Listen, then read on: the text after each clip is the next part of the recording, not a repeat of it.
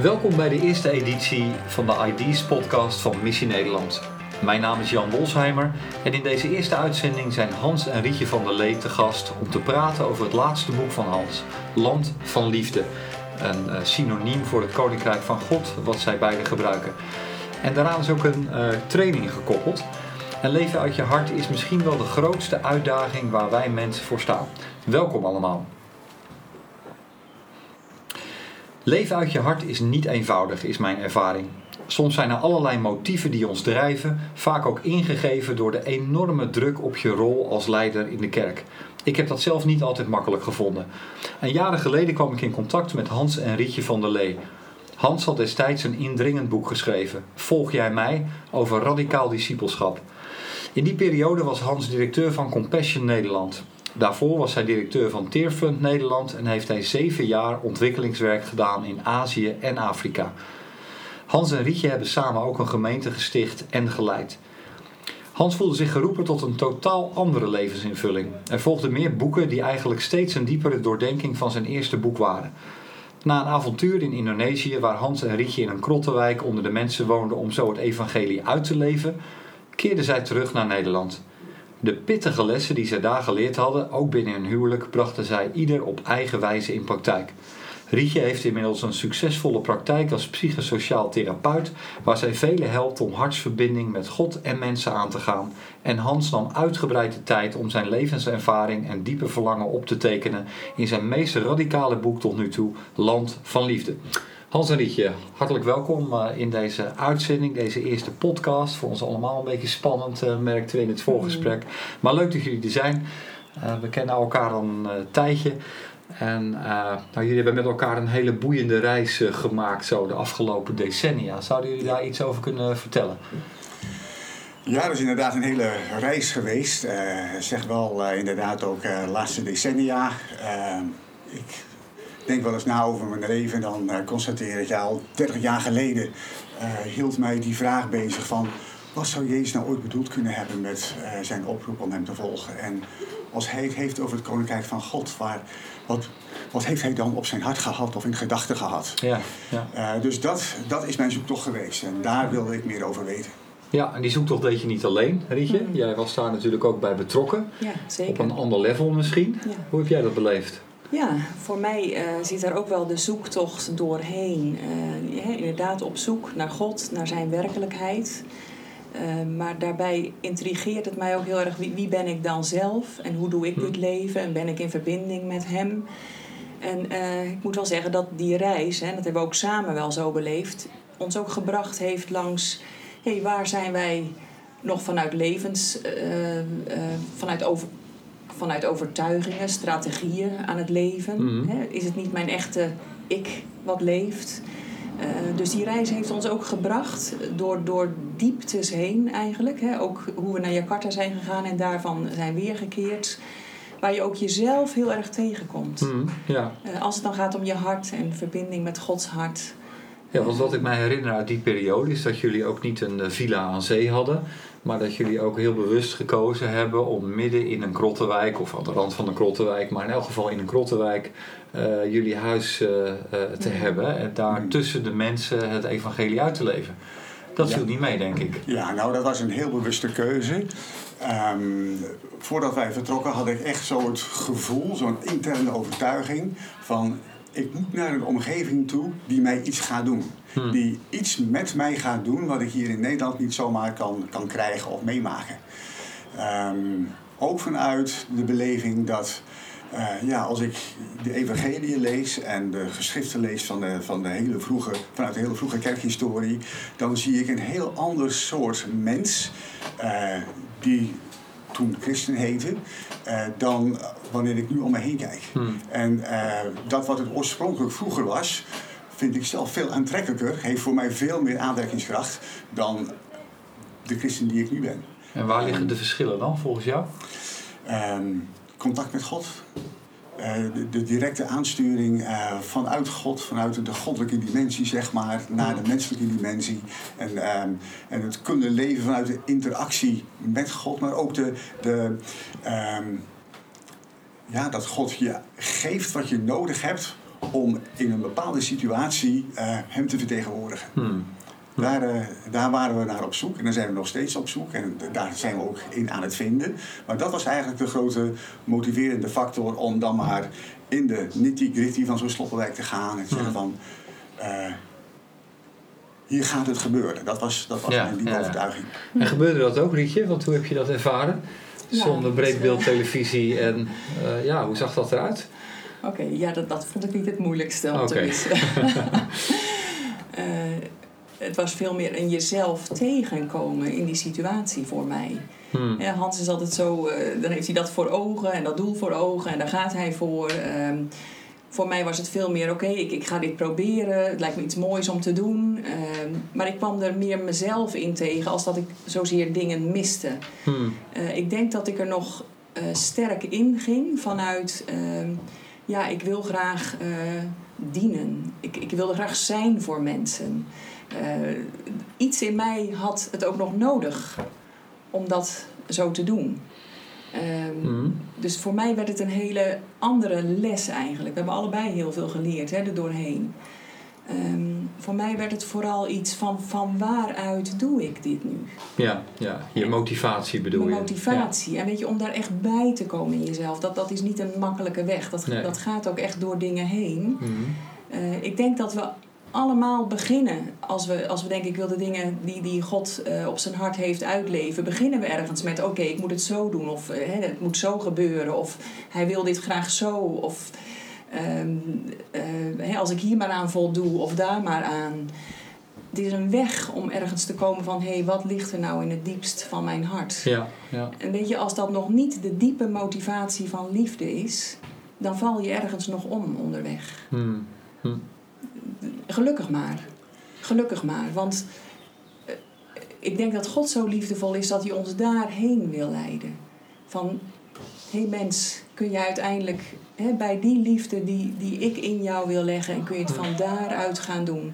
Nou, dat hebben we niet geleerd als we opgroeien. Want Nee, dan nee, doen we nee. allemaal dingen om, om iets te verdienen, om liefde te verdienen... om zo het leven te leven dat je denkt, zo komt het goed. Dus los van status eigenlijk en, en misschien wel externe factoren. Hè? Want eh, Ja. Hans had natuurlijk twee directeursfuncties, was ook wel bekend in Nederland en in het buitenland. Eh, misschien iets meer dan jij, dat weet ik eigenlijk niet eens. Maar ik. Ja. ja, ja, ik leerde Hans eerder kennen in elk geval. En eh, zijn boek was zo absurd radicaal in bepaalde opzichten dat het me direct boeide. Ik kan me nog herinneren dat we op het Flevo Festival waren, dat heette toen nog zo, en dat jij daar een verhaal hield over dat boek en dat ik eh, jouw uitgever Paul Afspoel voor het eerst tegenkwam.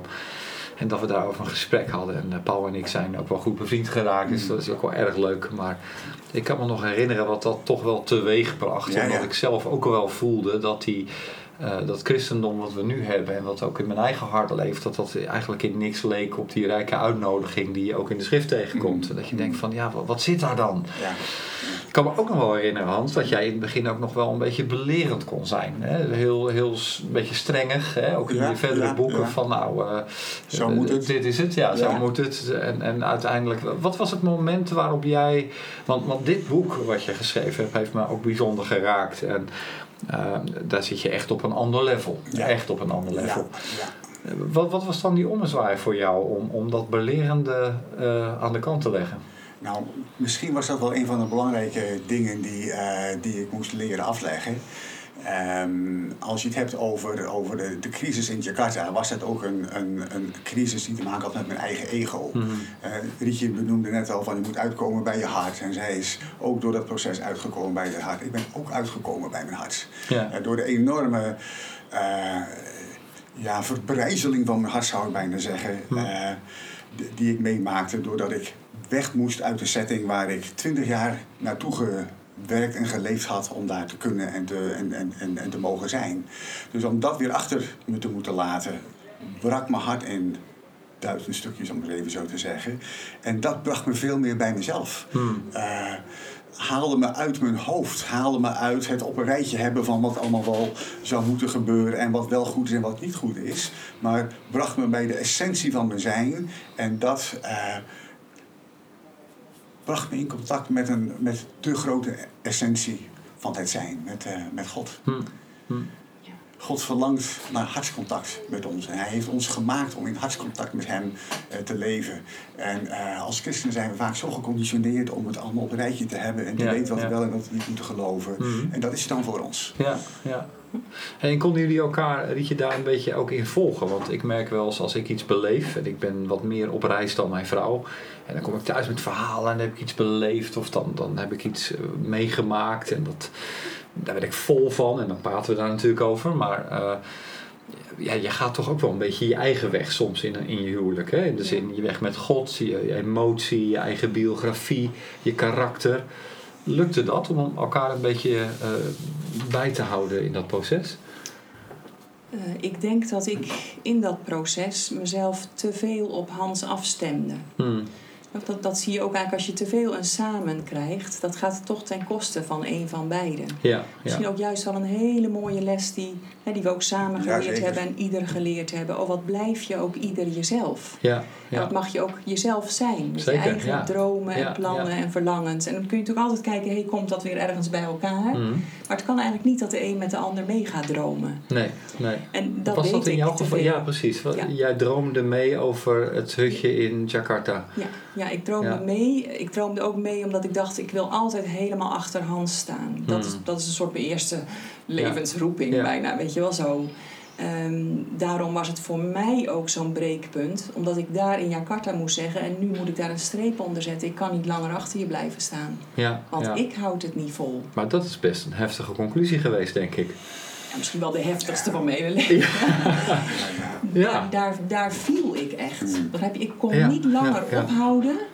wat ik al die tijd had gedaan. Ja, ja. En voor mij ging het zelf zo diep op dat moment dat ik dacht volkomen gefaald. Volkomen gefaald. Mm, ja. Zo ben ik ook echt naar Nederland toen Ja, afschuwelijke ervaring. Maar, maar misschien ook wel weer, er wordt iets nieuws uitgeboren. Hè? Dat, Ja, weet je, het, is, het is eigenlijk, ik denk, allemaal hebben we zo'n afschuwelijke ervaring Ja. nodig. ja, Want anders kom je er niet. Hmm. Je moet ergens omvallen en zeggen, oh, dit is het niet. Nee. En nee. wat dan wel? En Ja, waar ja, kan ik naar op ja, zoek? Ja, maar dat was een deceptie voor jou dan, Hans, denk ik. Want je had waarschijnlijk eh, ook wat moeite moeten doen om een liedje mee te krijgen, alles op te geven. En uiteindelijk het gevoel van, nou, we leven samen deze droom.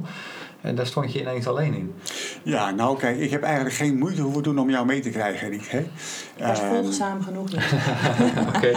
Nou, het was ook wel een heel gezamenlijk proces. Hè? Ook, In, in ook. onze, onze focus Ja. op, op mensen die een ander om zich heen meer nodig hebben dan wij zelf op, eh, op, op bepaalde, in bepaalde opzichten. Eh, maar ja, het was een, een totale ontgoocheling, ja. Ja, ja, Eh, ik voorstellen. geloofde het eerst ook gewoon niet. Nee. Eh, er waren ook wel voortekenen en mensen om ons heen die zeiden achteraf tegen mij, vroegen mij van, "Nou, maar Hans, heb je dat dan niet gezien? Nee, ik zag dat niet. Hmm. Ik was zo gefocust op, dit wil ik graag doen en hier wil ik voor gaan, dat dat eh, ja, eigenlijk eh, me te veel in beslag nam. Ja, ja, ja. ja, Ja, ja. ja. Ja, dat moet een fascinerend moment geweest zijn. Hè? Je doet de deur van het hutje dicht, stel ik me zo voor en zeg van nou Hans, we moeten eens even praten. Of eh, hoe gaat zoiets? Hoe gaat zo'n proces? Het was een proces van elkaar steeds minder begrijpen. Dat ja. was het eerst. Ja, en ik ben vooruit gegaan hè, toen naar Nederland. Ja, dat is omdat, waar, ja. omdat het niet meer ging. ja, En daarna was het een proces van, ik denk minstens een jaar... om stukje bij beetje elkaar weer te leren begrijpen.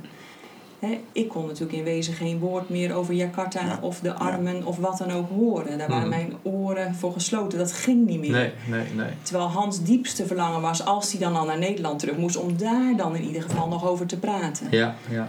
Dus dat is wel een heel apart proces geworden. Maar weet je wat ik eigenlijk zo leuk vind? Jij zei net even over Hans' boek, Volg jij mij? En het was nog een beetje belerend en, en Mhm. hoe hij daarin stond. Ik denk ergens, ik, ik zie God als het ware een beetje glimlachend voor me. Die zegt, oh hè, Hans, jullie bedoelen het zo goed. En wat je neergeschreven hebt, ook allemaal mooi. ja Maar ja. ik zal je een weg leiden die hoger ligt dan Hmm, dit. mooi, ja. Die mooier is, die, die veel liefdevoller is. Die, dat vind ik zo mooi. Hij ziet onze intenties wel. Zeker, ja. Maar goed, we, Ja. gaan, we gaan gewoon vroeg of laat dan toch op ons gezicht. En dan, Hmm. eh, dan moeten we zien, ook met al onze goede intenties, wat, wat hebben we er nog weer naast gezeten? Ja, ja, ja. ja, en zonder zo'n Ja. diepgaande crisis komen we daar gewoon niet op uit. En dan varen we op onze automatische piloot eh, en dat is het dan. Ja, Eh, en we hebben iets nodig wat ons gewoon fundamenteel Schut. Schudt, maar ook Hmm. vast doet lopen. Ja. En dan pas komen we uit, denk ik, en dat hoor je heel veel andere mensen ook zeggen die soortgelijke processen hebben meegemaakt. Dan pas kom je uit bij de conclusie van ons hoofd en ons verstand, ja, is geweldig. Maar waar, waar ons hart voor, voor bedoeld is, is dat we ons laten leiden door ons hart. Hmm. En eh, we zijn gecondi- geconditioneerd om vanuit ons hoofd te leven. En daar gaat het mank. Ja, ja, ja. Ja, mooi. Ik, ik kan me nog herinneren inderdaad dat jullie eh, aankondigden weg te gaan. En volgens mij heb ik je toen zelfs nog ge-mailed. eh, dat ik dacht van ja, maar wat moeten wij dan? Als jij eh, en jullie vooral het idee hebben dat je daar dat leven kunt leren. Wat, wat moeten wij dan met z'n allen? En toen jullie terugkwamen viel me op dat jullie ook... misschien niet direct, maar op een gegeven moment ook best open waren over Want jullie heeft nog in visie gestaan, kan ik me herinneren. Mhm. De EO-blad, Ja. EO-magazine. Ja, ik dacht van, jongen, jullie hebben echt veel geleerd, maar jullie durven dat ook te delen. Dat heb ik altijd wel bijzonder gewaardeerd. Want eh, dat gevoel van falen wat je net omschrijft, ja, ik kan me dat helemaal voorstellen. Ja. Ja, Nou, weet je, ons, Ja. onze intentie was niet om een succesverhaal neer te zetten. nee. Onze intentie was om zo oprecht en authentiek mogelijk door dit proces te gaan. Hm. Eh, wetend dat het ons iets zou gaan brengen. Ja, Maar we ja. hadden geen notie van wat dat dan zou zijn. Ja, Ehm, dus ja, in, in het hele proces hebben we geprobeerd zo open mogelijk te zijn. Hè? Ja, want het gaat uiteindelijk helemaal niet om ons succes. Nee, nee, maar nee. toch leven we zo een beetje hè, met elkaar. Het liefst vertellen we elkaar toch een succesverhaal. nou ja, en, en ook het diepe zoeken, hè, heel, Ja. heel oprecht, van eh, hoe doe je dat dan wel? Mm. Eh, en natuurlijk, eh, of het nou succes is of niet, ja, misschien had het daar een staartje van, dat weet ik natuurlijk niet. Maar Hmm. ik kan me nog herinneren mijn gevoel van, eh, nu laten ze ons in de steek. Want wij hebben, wat moeten wij dan? Hè? Als, als het alleen daar kan. Hmm. Ik kan me dat gevoel nog goed voorstellen. Ja, maar het was iets, Jan, wat eh, in eerste instantie voor mij persoonlijk gold. ja, ja, Eh, ik ben natuurlijk nou, 20, 30 jaar lang gericht geweest op eh, mensen in de derde wereld. en mensen die leven in armoede. Ja. En eh, elke keer wanneer ik daar was, hè, op locatie zeg maar, in de narigheid daar, dan, dan greep mij dat zodanig aan dat ik eh, dacht van, dit doet iets met mij en dat heb ik nodig. Hm. Daar moet ik meer van. Om uit te komen waar ik uit moet gaan komen.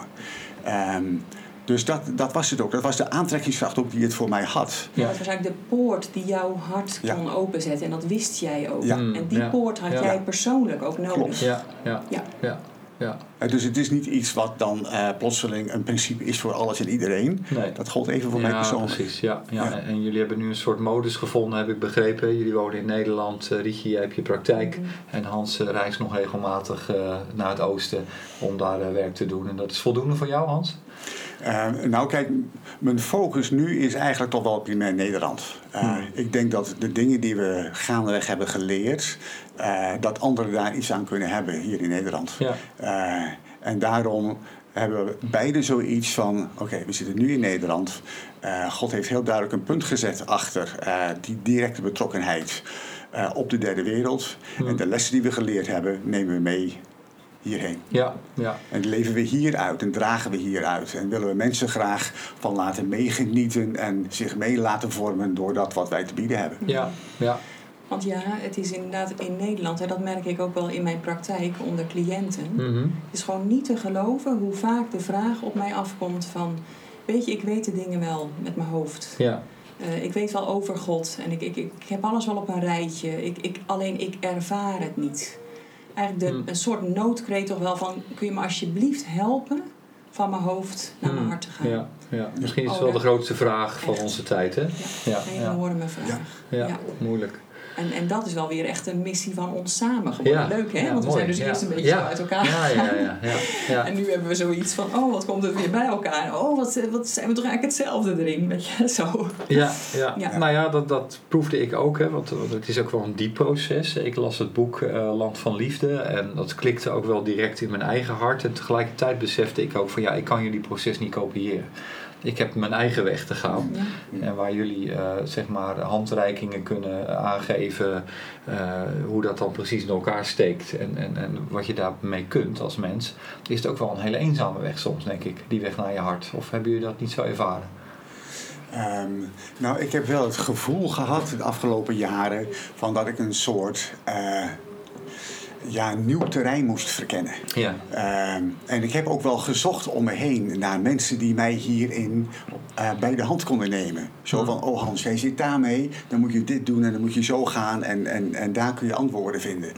Maar die mensen ben ik niet tegengekomen. Eh, behalve dan wanneer je in de internationale literatuur eh, duikt en dan plotseling ziet van, hé, hey, maar mondiaal gezien zijn er best wel anderen die ook met deze dingen bezig zijn en op zoek zijn en ook aan het vinden zijn.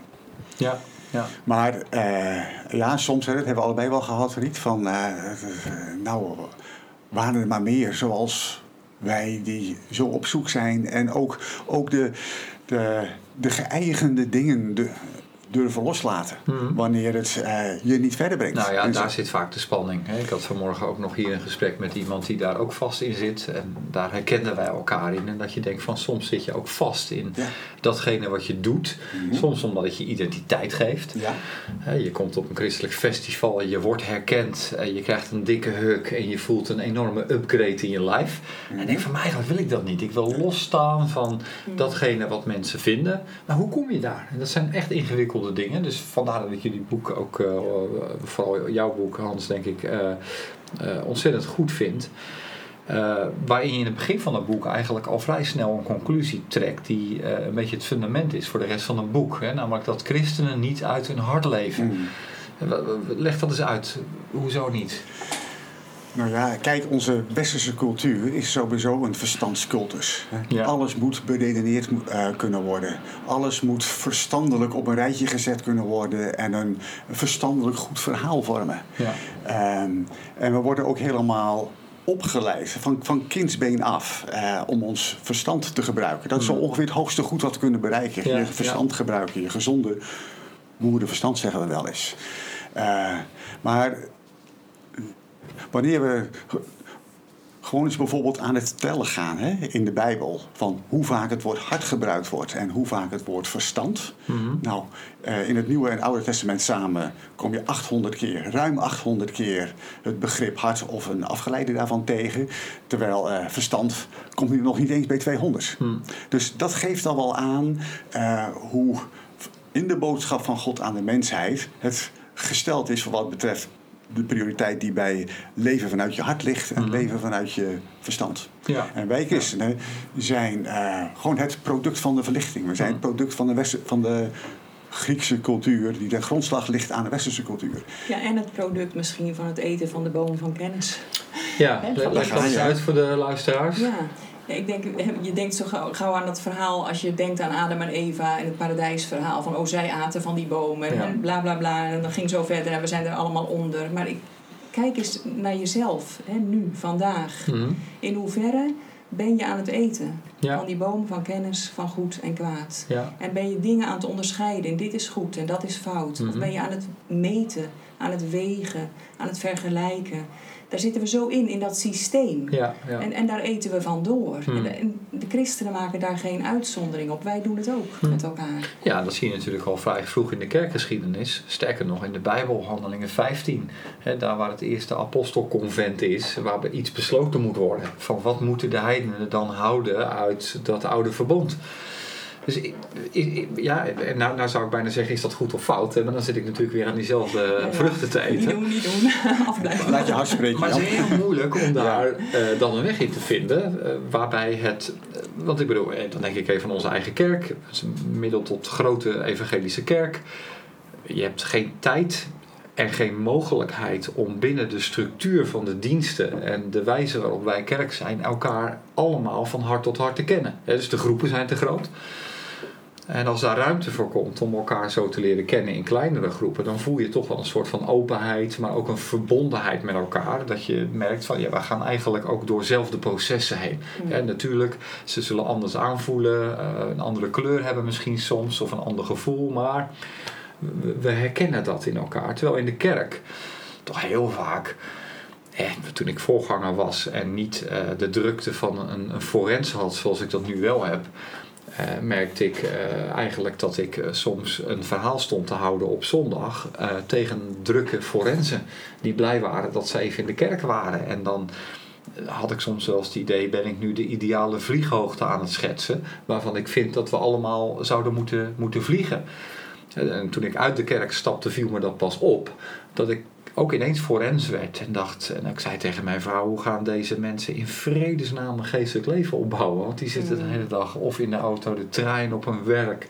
Dan kom je thuis, kinderen, eten, avondvergaderingen als je ook nog eh, kerkelijk verbonden bent of de tafeltennisvereniging. Dus ingewikkeld. Nou hè. Heel ingewikkeld. Ja, Ja, en daar- je- daar- ja. En daar ligt ook echt een spanningsveld. En daar ligt ook een enorme uitdaging. Eh, als ik nu kijk naar mezelf. Ik heb de afgelopen tien jaar gewoon de tijd genomen om mijn leven te doordenken, om mijn christen zijn te doordenken, tegen het Mhm. licht te houden. Eh, en dat is het mooie van hè, de praktijk van Rietje, die eh, levert op dit ogenblik ons inkomen. Ja. En ik heb alle ruimte en tijd om, om alles eh, erbij te slepen wat ik maar bij kan slepen. Om, Mhm, ja. om, om verder te komen, om dieper te komen, om meer inzicht te krijgen en om het me meer eigen te maken. Dus dat, het vergt tijdsinvestering. Mhm.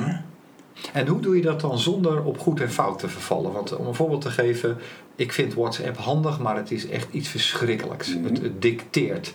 Ik kan mijn huidige werk bijna niet doen, denk ik. Misschien is het een veronderstelling. Als ik geen WhatsApp meer zou hebben. Maar het zou een ontzettende oase van rust creëren. Ik heb Ja. een vriend die heeft zijn smartphone de deur uitgedaan. Een Nokia-telefoontje. En ik kan hem hooguit sms'en. En dat, eh, dat kost hem dan heel veel moeite om terug te sms'en. En Ja. Dat doet hij dan ook bijna nooit. Ehm, dus dus mijn, mijn aanvliegroute is eigenlijk van ik, ik voel een probleem. Ik Ja. voel me geleefd. ja. Eh, het is dus fout. Dat, dat, dat begint direct i- te Het schiet resoneren. tekort. Ja, het schiet Ja, tekort het zou je kunnen zeggen. Ja, Ja. ja. Het is niet hoe de bedoeling eigenlijk Ja, je zit snel, en dan spreek ik dan maar even voor mezelf, in die reflex van wat is goed en wat is fout. Hè. We zijn te druk, we hebben geen aandacht meer, we leven te gefragmenteerd. Daar zit allemaal iets van oordeel in, Ja. wat toch stiekem een beetje die boom van kennis goed en kwaad in zich heeft. Hoe, hoe blijf je daar weg? Door, door eerst naar de andere kant te gaan. Juist. Ja? Eerst naar de andere kant te gaan. Dat dacht ik net ook nog even. Ik was nog een beetje blijven steken in mijn verhaal over Ja. de boom van kennis Ja, ja, goed en ja. Maar ik zou moeten zeggen, hoe kan ik eerst meer vinden van de Ja. boom van het leven? Ja, ja. Daar wil ik me op richten. Ja. Hm. Daar wil ik iets gaan halen. Weet je wel, ook Hmm. al heb je alles nog, de app en weet ik wat, en alles wat je lastig vindt. Dat je zegt, daar ga ik eerst tijd voor maken. Hm. Ik, ik, ik wil gewoon aan, aan, aan, aan, aan God, aan, aan, aan de bron van alle dingen, de maker uit wie ik gemaakt heb. Ik wil Hem laten zien dat mijn hart naar, naar Hem. En, en je lichaam stelt iets van verwachting uit nu je dit zegt. Hè? Want je spreekt met je handen, dat ziet Mm. niemand. En je Mm. kijkt naar boven. Hè? Als, een, Ja. ik denk, als een soort, je verwacht het kennelijk. Ja. ja. En ik kijk naar boven. Hè. Tegelijk besef ik ook, dat, dat, dat is ook een, een leerweg. Ja, hè, God is daar, hè, mijn bron. En ik, ik, ik kijk als het ware van mij weg. Tegelijk mag ik ook steeds meer leren, maar, maar God, u die de bron van liefde bent, u wilt ook hier Ja, zijn, hij is, in hij mij. is ook binnen. Ja, Dat vind ik ook zo'n Ja. mysterie, wat ik Mhm. nog veel meer mag ontdekken. ja, ja. Eh, en als ik daarvan uit ga leven, maar dat is ook het hartenleven. En eh, Mhm. ik bedoel, wij zijn ook op een, op een weg, hè, Hans, dat we, we beginnen eraan. En we, we, zijn, we zijn nog maar aan het begin van die weg. ja. Maar als je, als je dat weet, ik leef vanuit God in mij. Hm. Vanuit die liefde die hier is. De vrede, de wijsheid. Hè, hij, hij, deelt het met ons, hij is in ons daarmee. Dan gaan we de dingen anders aanvliegen. Ja, ja maar, maar- maar- maar- maar wat zouden kerken of voorgangers of predikanten, priesters nou kunnen doen om mensen meer in verbondenheid met hun hart te brengen? Wat, is dat mogelijk binnen deze... Ik, ik wil heel graag reageren op jouw vraag, Jan. Maar Ja. ik wil nog Even even, terug, iets ja. eh, eh, toevoegen aan wat we net hebben gezegd Mhm. met elkaar. Eh, op het ogenblik dat we eh, de- meer in contact komen met ons eigen hart. En vanuit dat contact met ons eigen hart meer ehm, het contact, de verbinding met God gaan beleven. Mhm. Dan laat je de rest vanzelf vallen. Want Ja, dat is ja. zo geweldig. Ja. Dat is zo, dan voel je zo van hier moet ik zijn. Mhm. Dat is zo'n diepe waarheid die dan gewoon werkelijkheid wordt. Dan maken sommige andere dingen die anders heel belangrijk zouden zijn, eh, je eigenlijk niet meer uit. Nee, nee. Eh, die krijgen althans een, een veel lagere Ja, prioriteit. ik snap dat. Ja, ja oké. En dan terug naar de praktijk van het kerkelijk leven. Want ja. ik denk dat ook veel van de luisteraars eh, een kerk bezoeken. eh, waar de zaken toch wel wat anders liggen vaak. En natuurlijk het Mhm. hart ook, wordt ook wel aangesproken. Tegelijkertijd ontkom je er nauwelijks aan in de kerk om ook eh, ja, het zoeken naar, naar grenzen en regels en dat soort dingen. En een gezamenlijk beleiden. Dat is toch meer cognitie, meer hoofd dan hart. Hoe, hoe, hoe kun je dat doen? Ik denk dat het heel belangrijk is dat we eh, ons met elkaar realiseren als christenen. En wat Rietje net ook zei, van we zijn eigenlijk eh, vooral gaan eten van de boom van kennis. Mhm. Eh, en wanneer we dat gaan zien, wanneer we ons dat gaan realiseren en tot de ontdekking komen van hé, hey, maar er is nog een hele andere manier van in het leven staan. Er is een veel rijkere manier van invulling geven aan mijn leven, met elkaar in contact zijn, met God in contact zijn. Ehm, ja, dat is denk ik wat we als christenen, wat we als gemeente eh, ons eigen moeten gaan maken, dat inzicht. Ja. Om vervolgens ook te gaan beseffen van, oké, ja, dat, dat geweldige verstand wat God ons gegeven heeft, dat schiet gewoon tekort. Hmm. Dat kan bepaalde dingen, dat kan sommige dingen heel goed. En sommige dingen kan het helemaal niet. Hmm. En voor die dingen heeft God ons hart gegeven. Hmm. Voor het directe contact met Hem. Eh, ons hart, eh, het fysieke orgaan in onze borstkas, heeft veel meer vermogens dan alleen maar dat bloed rond, rondpompen. Hmm. Dat, wanneer wij als Westerlingen spreken over ons hart, dan denken we aan die spier die daar elke zoveel seconden zich samentrekt Hmm. om het bloed te circuleren.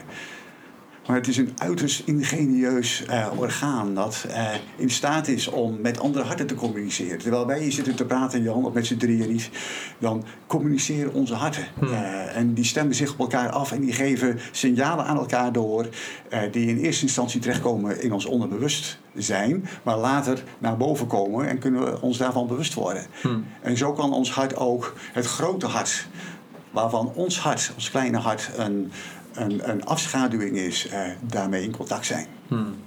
Eh, het is misschien eh, wel, wel, wel goed om ook eventjes te kijken naar eh, hoe God zelf spreekt over ons hart. Hè? Want in de eerste, ja, laat ik het even zo zeggen, de, de eerste boodschap van God aan de mensheid, zoals wij die kennen als christenen, spreekt hij over het menselijke hart en zijn eigen hart. En hij gebruikt daar het woord levaf voor, hè? het Mhm. Hebreeuwse woord levaf. Ja. bestaat uit twee letters, eh, de lamet en twee bets. En eh, de, de rabbijnen geven aan dat de, de lamet, de spirituele betekenis daarvan, is eh, wat Gods verlangen is, wat Gods bedoeling is. Mhm.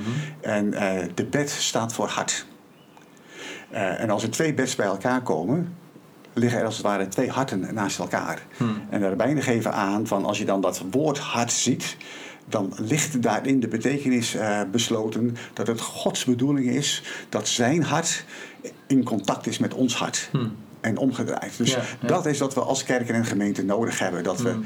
uitkomen bij ons hart, dat we ons hart leren kennen, dat we weer gaan zien wat de latente harts, onze latente hartsvermogens zijn. Mhm. Eh, en dan vervolgens leren daarmee om te gaan, die te ontwikkelen en die in de praktijk te brengen. Nou, nou is dat theorie die, die mooi klinkt, hè, waarvan ik denk van ja, jongen, dat, dat is bijzonder. En, en weet je, hebt een praktijk waar eh, je ook mensen begeleidt die eh, willen leren om van hun hoofd naar hun hart te komen. We zijn ook vaak op zoek naar de fixes, hè, de quick fixes. Hmm. Hoe doe je dat? Hmm. Nou, het is geen quick fix. Nee, nee dat vermoedde ik al, daar was ik al bang voor. ja, Het is een hele weg die we te gaan Ja. hebben. ja, ja. Het is ook goed om elkaar dat voor te houden. Hmm. Ja, anders dan wil je toch snel daarop gaan. Of denk je, dan, dan kom ik daar wel. En hoe doe ik dat even? Vanuit mijn hart leven. ja, ja. Het is ergens wat we aan het begin al zeiden. Hè? Een, een bepaald systeem, hoe we het altijd gedaan hebben. En vanuit ons hoofd ook gedaan hebben. En hoe we aan het eten zijn van die boom van kennis van goed en kwaad. Hmm. Dat moet ergens eerst om. Dat, dat, dat, begrijp je, als we daarin bezig blijven, komen we er niet. Hmm. Maar je kunt ook niet zeggen, oh dan stap ik gewoon maar even over op het andere. Nee, nee, Want, nee. want dan moet je ergens eerst gaan verliezen wat je had. Hmm. Dat is best eng. Een crisis helpt dus, hè, zoals Ja. bij jullie. Ja. Maar is dat Ja. altijd nodig? Want in jouw praktijk zul je de Ehm. mensen met een crisis waarschijnlijk tegenkomen. Die lopen vast en gaan hulp zoeken, komen bij jou uit Ja. en vervolgens ik ga zou je het in niet altijd een crisis noemen, maar hè, mensen kunnen ook denken: nee, dit, dit kan het leven niet zijn zoals Hm. ik het nu leef. Hè. Zo zou je het ook ja, kunnen ja, zeggen. ja. dan is het inderdaad toch vaak een weg van zien hoe doe ik dat dan in het leven en waar ben ik mee bezig. Uh, hoe probeer ik ergens nog liefde te verdienen? Of hè, denk ik dat ik het moet doen? Hmm. Dus dat systeem af gaan leggen. Het, het is als het ware alsof je a- aan de oever van een rivier staat. Hè?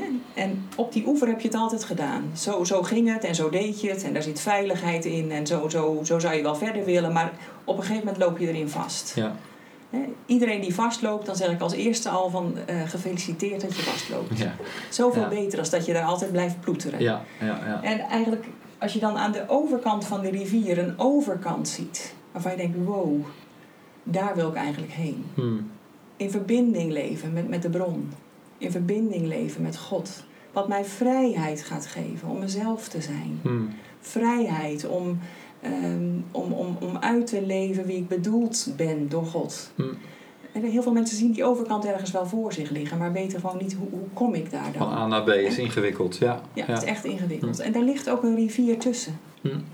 Die rivier zal overgestoken moeten worden. Het, het is niet van, hè, als je even kon springen, dan sprongen we volgens mij met z'n allen tegelijk. Ja, ja, ja, ja. Want we willen, willen daar zijn. Hm. Ehm, maar gewoon alleen al je, je tenen uitsteken eigenlijk die rivier in. En die rivier is de weg of de reis, Ja, of hoe zou je het noemen? Ja, Dat is de ja. reis. Ja, want dat is vaak ingewikkeld in de kerk, merk ik vaak. Dan, dan heeft iemand een getuigenis en daar zit ook een hoop pijn en verdriet in. Of iemand vertelt dat er een ziekte is en dan, dan bidden we daar vaak direct voor, hè, uit de gemeente. Of, en dat dat is op zich mooi. Maar het heeft altijd iets in zich van een quick fix. Mm. Eh, en ik merk ook wel dat mensen die eh, vaak door moeilijke tijden gaan, dat ze echt op zoek zijn naar dat, die lichtschakelaar eigenlijk die ineens aangaat. Terwijl ik Mm. denk van ja, maar het is een, een diepe weg. En dat is ook lastig. Eh, hebben we soms niet het ook een beetje te simplistisch gemaakt. Ik lees nu een boek van eh, vader Thaddeus, dat zeg je misschien niks, maar dat is een, eh, een Servische eh, abt uit de Oostisch-Orthodoxe kerk. En dat is een verademing om te lezen, want deze man was eh, een, een ontzettende eh, geziene, wijze man in zijn kerkgenootschap. Maar tegelijkertijd had hij een angststoornis, leed hij aan depressies en had hij twee keer in zijn leven een zenuwinzinking. En wilde die alles behalve abt zijn. En zijn verhaal kwam zo dicht bij het echte leven dat ik dacht van jongen, wanneer heb ik dat eigenlijk voor het laatst in de kerk gehoord? Dat iemand zei van ik zie dit gewoon als geestelijke strijd of weet ik veel wat. Of ik probeer me aan te ontworstelen, maar, maar het is een proces. Ik neem die tijd. Ja. Dat vond ik echt verademend. Ja, ja. Als we elkaar daarin alleen al eens zouden kunnen bemoedigen. Niet verbaasd zijn als je door de diepste moeilijke Mm. dingen heen trekt. Ja. Ook in je binnenste. Weet je, ook al is dat angst of is dat iets waarvan, we- waar we zo gauw een, een een stempel op drukken van oh dan is het niet goed met je. Ja, ja. gewoon weten, nee, dit hoort bij het leven. Hm. En dit hoort ook bij het gaan door die rivier heen. Ja, Ja, en wanneer er een crisis is of een groot probleem, niet gelijk eh, alles uit de kast trekken om het probleem maar op te lossen. Nee, nee. Maar eh, stilstaan bij het probleem en Mm. zeggen van deze situatie heeft mij iets te vertellen. Mm. Dit is een boodschap van, misschien wel van God ja. aan mij. Van sta eens even stil. Hm. Ik, ik wou zeggen, denk eens even na, maar dat is daar ook onderdeel van. Mhm. Maar laat het eens op je inwerken. Ja. En kijk van, wat zou dit voor uitnodiging kunnen zijn? Mhm. Wat ligt hierachter? Wat ligt hieronder? En wat kan ik daarmee? Wat moet ik daarmee? Hoe kan het me verder brengen? Ja. In plaats van alleen maar gauw de, het probleem oplossen. Ja, zijn wij mensen in het Westen anders daarin dan? Want jullie hebben in Afrika gewoond en in Azië. Dus jullie hebben een beetje zicht misschien op andere culturen. Zijn het vooral de Westerse mensen die, laten we zeggen, wat niet goed is proberen weg te poetsen? En het, het kwade wat opzij houden? Of niet per se? Is dat, is dat menselijk? Ik denk Niet dat dat... eh, gezien. Nee? Nee, oké. nee. Hmm. Hmm. Nee, want eh, als ik kijk naar de, de landen in, in Azië waar we gewoond hebben, dan was de pillendoos wel ongeveer het antwoord. Eh, Ja, ja, zo snel toch? mogelijk Oh, iets van de plank trekken en eh, inslikken en dan is het allemaal weer over. Ja, Ja, en de glimlach bijvoorbeeld Ja, in Thailand. ja, ja. Laat niks zien, niks voelen. Het leven moet gewoon een glimlach zijn. Ja, ja. zit op het je- is buitenkant. Ja. Ja, ja. Dan wordt het ja. bekend. Want Dus in iedere cultuur hebben we wel zo onze manieren Oh, gevonden, oké. denk ik. Ja, ja. Ja. Oh, dat is Ja. interessant. Ja. Maar het mooie van die reis door de rivier, hè, die ook door dieptes heen gaat en waarin we elkaar kunnen bemoedigen van het leven gaat niet zonder die dieptes. Wat ik altijd zo mooi vind is dat aan die overkant, hè, waar, waar God ook is en waar dat volle leven is, daar staat hij niet op ons te wachten en zegt hij van, eh, nou dan ga ik eens kijken hoe jij door die rivier komt totdat je uiteindelijk hier meer naar mijn bedoeling Hmm. bent. Hm. Maar wat mij zo aanspreekt is dat ik, dat ik gewoon weet, God die komt van zijn plaats als het ware daar, hè, waar hij is en waar, waar het licht en de liefde is. En dus ik voeg me daar bij jou. Hm. Ik kom naast je, hè, in je zelfs, om die reis door te maken. En, en dan denk ik wel eens, die reis is net zo belangrijk. Net zo van waarde als de, als de uitkomst van de Ja, reis. ja, absoluut. Want in iedere Ja. stap van die reis kunnen we leren. Hm. Ik denk wel dat het belangrijk is dat we, dat we zoekend open blijven staan. Alsmaar zoekend. Hm. Hè, Van God, hoe kan ik u nog meer leren kennen? Wat, wat is er nog meer? Wat hoort bij uw werkelijkheid? Als we dat bij ons hebben, dan zitten we gewoon goed. Ja. Of we nou door de angst trekken of, of een stukje depressie of Hm. hè, dingen die ons kunnen belagen. Ook, hè, mij zijn die ook niet vreemd. Eh, maar die duwen mij soms nog meer Hm. naar op welke bodem kan ik nou echt staan. Ja, ja. Ja. Ja, en als je dan hebt over die oversteek, hè, eh, dat eh, zoals je zegt, dat God in je is en bij je is. Eh, dan denk ik weer even aan, eh, aan het boek, hè, Het Land van Liefde, waarin ik zoveel eh, eh, probeer door te geven ook over wat ons hart dan allemaal zou moeten kunnen. Hm. Eh, dat is juist ook het moment waarop we zo hard ons hart nodig hebben. Hm. Dat we ons hart kunnen openen, bewust ons hart kunnen openen en bewust eh, God als het ware daarin uit kunnen nodigen voor zover hij er al niet is. Hm. En zijn begeleiding, zijn leiding, zijn aansturing kunnen ontvangen. Ja. En dat is de functie van ons hart. Ja. Je doet in je boek ook veel moeite, Hans, heel veel moeite om de theorie achter dit denken uit te leggen. Hè, Je maakt ook uitstapjes naar eh, de wetenschap, waarin je ook eh, van alles zegt over de, wat het hart is en doet. Je hebt daar net al iets over verteld. Ehm, en, en, en je boek bestaat ook uit heel veel voetnoten, eh, waarbij het mij opviel dat je nou, dat een, een brede waaier aan auteurs is. Hè? Van woestijnvaders tot Pinkstertheologen, auteurs van wetenschappelijke boeken. Eh, hoe, hoe is die verbinding tussen die auteurs dan nou eigenlijk tot stand gekomen? Want je hebt heel veel gelezen. Daar had je misschien ook tijd voor? Of, of Ja, heb ik tijd voor, Ja. heb ik tijd voor gemaakt en daar heb ik me ook bewust eh, op ingezet. Eh, en ook wel veel breder dan alleen Pinkstertheologen, ook eh, theologen uit andere denominaties Ja, heb ik ja. ruim aan het woord gelaten. Ja. En nou, de verbindende schakel is eigenlijk de conclusie waar ze allemaal op uitkomen. Hmm. En dat is dat het gaat om ons hart. Ons hart is zoveel meer dan wat we doorgaans eh, denken dat het is. Eh, en de, de wetenschap zegt het onomwonden. Eh, dat orgaan hier in onze borstkas is de schakel tussen de en daar hebben ze allerlei wetenschappelijke termen voor. Maar zeg maar de, de goddelijke dimensie en de menselijke dimensie. De, de verbindingsschakel. Eh, en naarmate we daar meer mee in contact kunnen zijn, bewuster mee om kunnen gaan, kunnen we ook bewuster het contact aangaan met God. En de wetenschap, ja, het is eh, uiterst interessant om, zi- om, om daar kennis van te nemen. Wat, eh, de, de- de- wat wetenschappers tegenwoordig allemaal eh, hebben ontdekt over, over ons hart. Hm. En eh, ja, dan moet je het boek natuurlijk Land van Liefde even lezen om te Ja. weten wat het allemaal is. Daar kan ik nu niet op ingaan. Nee, nee. Maar dat is, en, en ook in dat boek ehm, doe ik het nog maar heel beknopt. Want je hebt maar een bepaalde ruimte ook. Ehm, maar er is enorm veel over te lezen en te leren. Ja, ja. ja, dat blijkt ook. En ik, ik vond het deel waarin je wat meer wetenschappelijk was ook eh, helemaal nieuw voor mij. Eh, omdat ik eigenlijk ook wel gewend ben om als het gaat over het hart, daar gelijk weer zo'n spiritueel ding van te maken. En, en een soort mystieke taal voor daar waar de plek is waar we God ontmoeten. Maar jij komt ook wel heel duidelijk op de spier zelf. Terwijl dat echt voor mij absoluut iets nieuws was. Dat vond ik ook wel fascinerend om te lezen. Uh, ik, ik heb genoten van het boek en, en tegelijkertijd hebben jullie besloten om er een training uh, van te maken of bij te maken. En daar ben ik ook wel blij om in die zin, omdat ik denk van oké, ik heb nu de theorie, het boek is uit. Uh, en, en, en ook toen ik afgelopen week nog eens door het boek heen ging en eens bladerde dacht van ja, jongen, waar, liggen nou mijn stappen? Waar begin ik nou? Hè? Dus jullie hebben verstandig aan gedaan, denk ik, om een training aan te bieden. Waarom bedacht je dat? Um, nou, dat, dat ligt eigenlijk al wel een beetje besloten ook in de naam die we aan de training hebben meegegeven. Haal je hart op. Mm -hmm. uh, je kunt een heleboel lezen, uh, kennis vergaren uh, en in je grijze cellen opslaan. Maar daarmee ben je nog niet in contact met je hart. Mhm. Eh, je kunt dan wel weten dat het mogelijk is en je kunt eh, kennis nemen van wat ons hart in principe allemaal eh, kan. Maar de- daarmee kan je hart het nog niet. Mhm.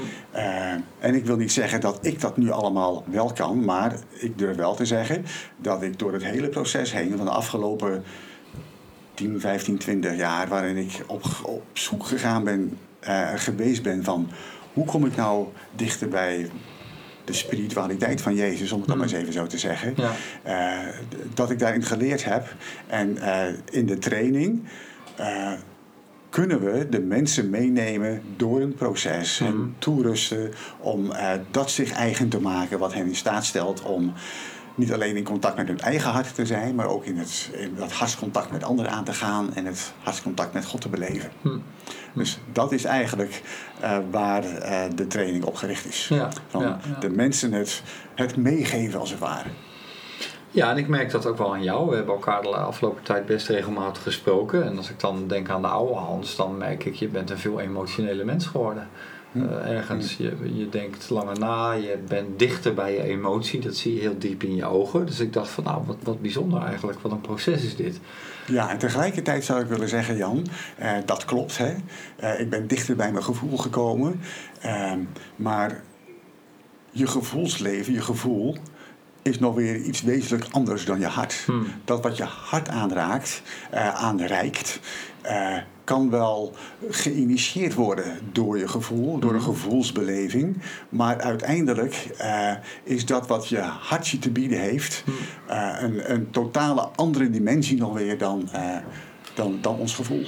Oké, dus ik moet nodig de training volgen om daar eens wat meer eh, van te leren. Ja, Want zeker. eh, je, die, die, die training is dan weer waar jullie helemaal weer samenkomen. Hè? Dan is Hans denk ik ook wel weer een beetje meer de docent, vermoed ik. Ik, ik weet het niet. Maar, eh, en jij de, ben je de therapeut of wat, wat, wat is jouw rol daar? Nou, we moeten nog een beetje kijken hoe we het gaan verdelen. Ja. Ehm, ik, ik denk inderdaad dat, dat de uitleg van dingen zal ook veel bij jou liggen. Maar het ligt er ook een beetje aan, als ik er meer tijd in kan steken, kan ik daar ook wat van overnemen Hmm. natuurlijk. Hmm.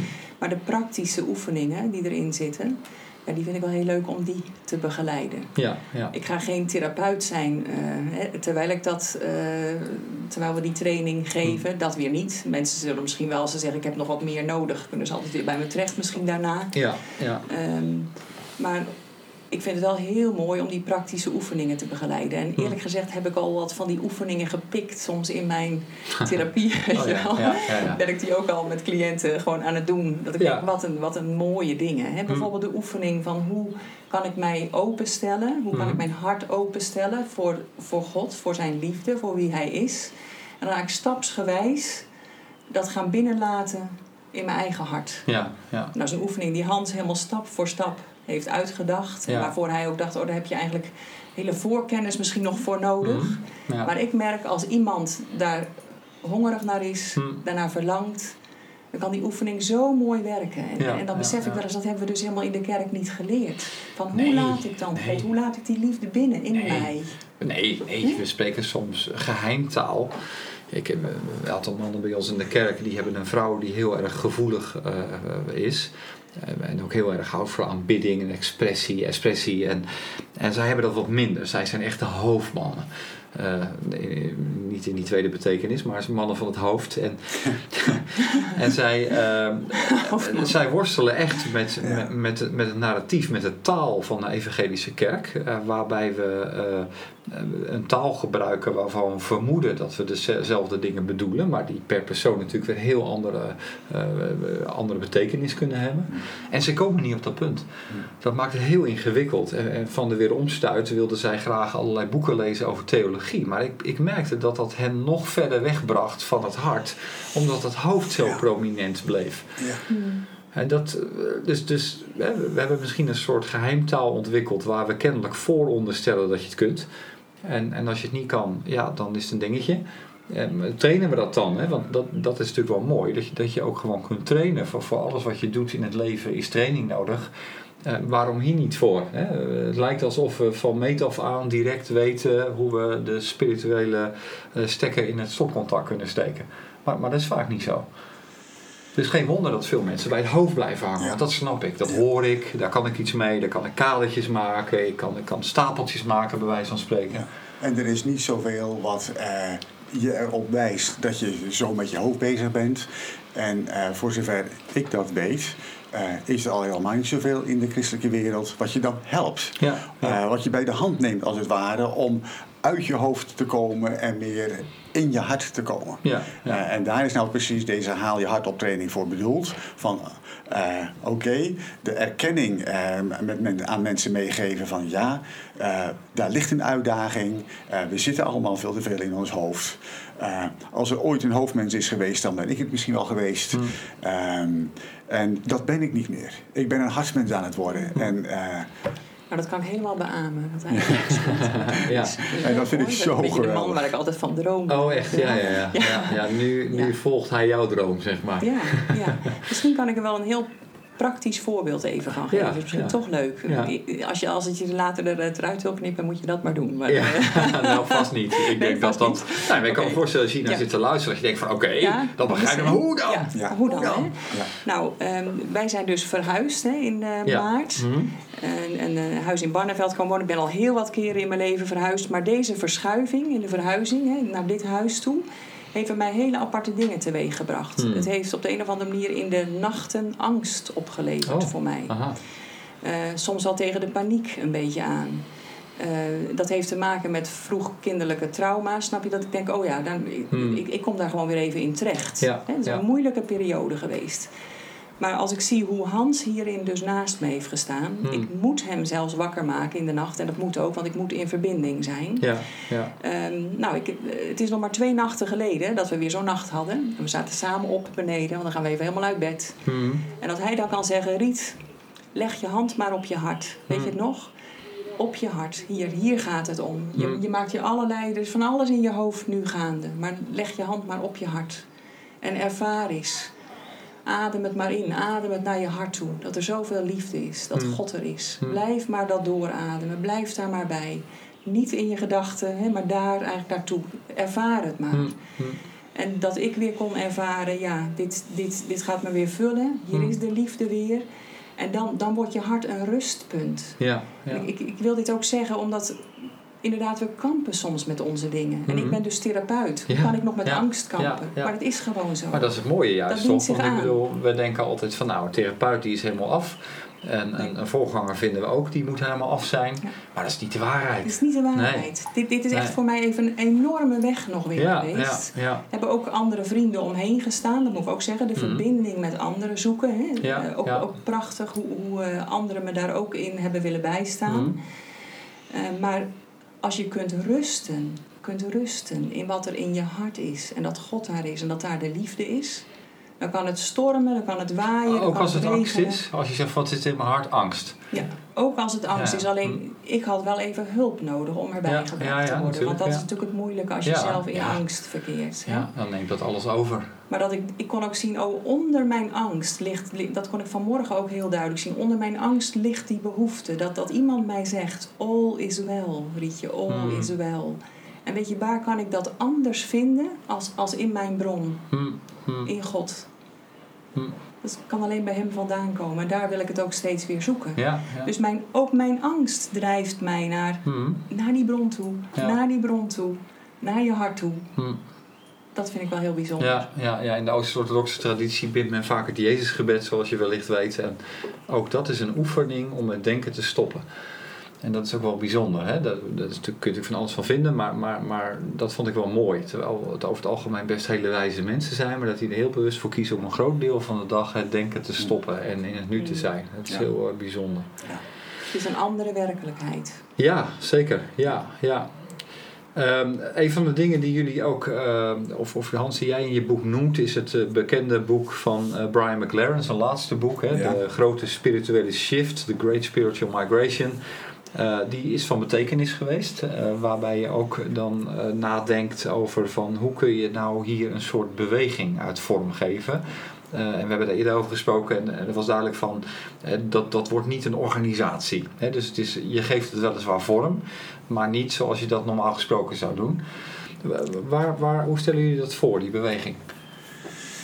Ehm, ja, in, in de eerste plaats eh, wil ik even, even dan contact maken met eh, het principe wat uh, Brian McLaren in zijn, woord, in zijn boek verwoordt. Hè, dat we een school van liefde zouden moeten zijn. Ja. dat was, we dat maar geweest? waren we dat maar geweest en ja. kunnen we dat maar, maar worden. Ja. dus uh, en, en, zijn focus ook op het hart was voor, voor ons samen zoiets van: hé, hey, uh, hij heeft heel interessante dingen te vertellen. Uh, dit raakt onszelf, dit raakt ons hart. En we voelen de aansluiting over en weer. Mm, ja. um, en hoe wordt het dan een beweging? Nou, kijk, mijn doel is niet en ons doel is niet op zich om een beweging uh, tot stand te brengen. Mm. Maar wel om, um, om mensen um, te laten ervaren van er is veel meer. Het evangelie is veel rijker. Dat wat Jezus vertegenwoordigde, dat uh, was veel meer uh, en een veel diepere werkelijkheid uh, dan wat we tegenwoordig kennen. Want de werkelijkheid van het hart wordt eraan aan toegevoegd. Mm. En op het ogenblik dat we um, daarmee meer in contact komen, jij en jij en ik en anderen, dan steken we elkaar aan. Hm. Weet je? Liefde is iets, ja, liefde, liefde is iets dat zichzelf versterkt. Hm.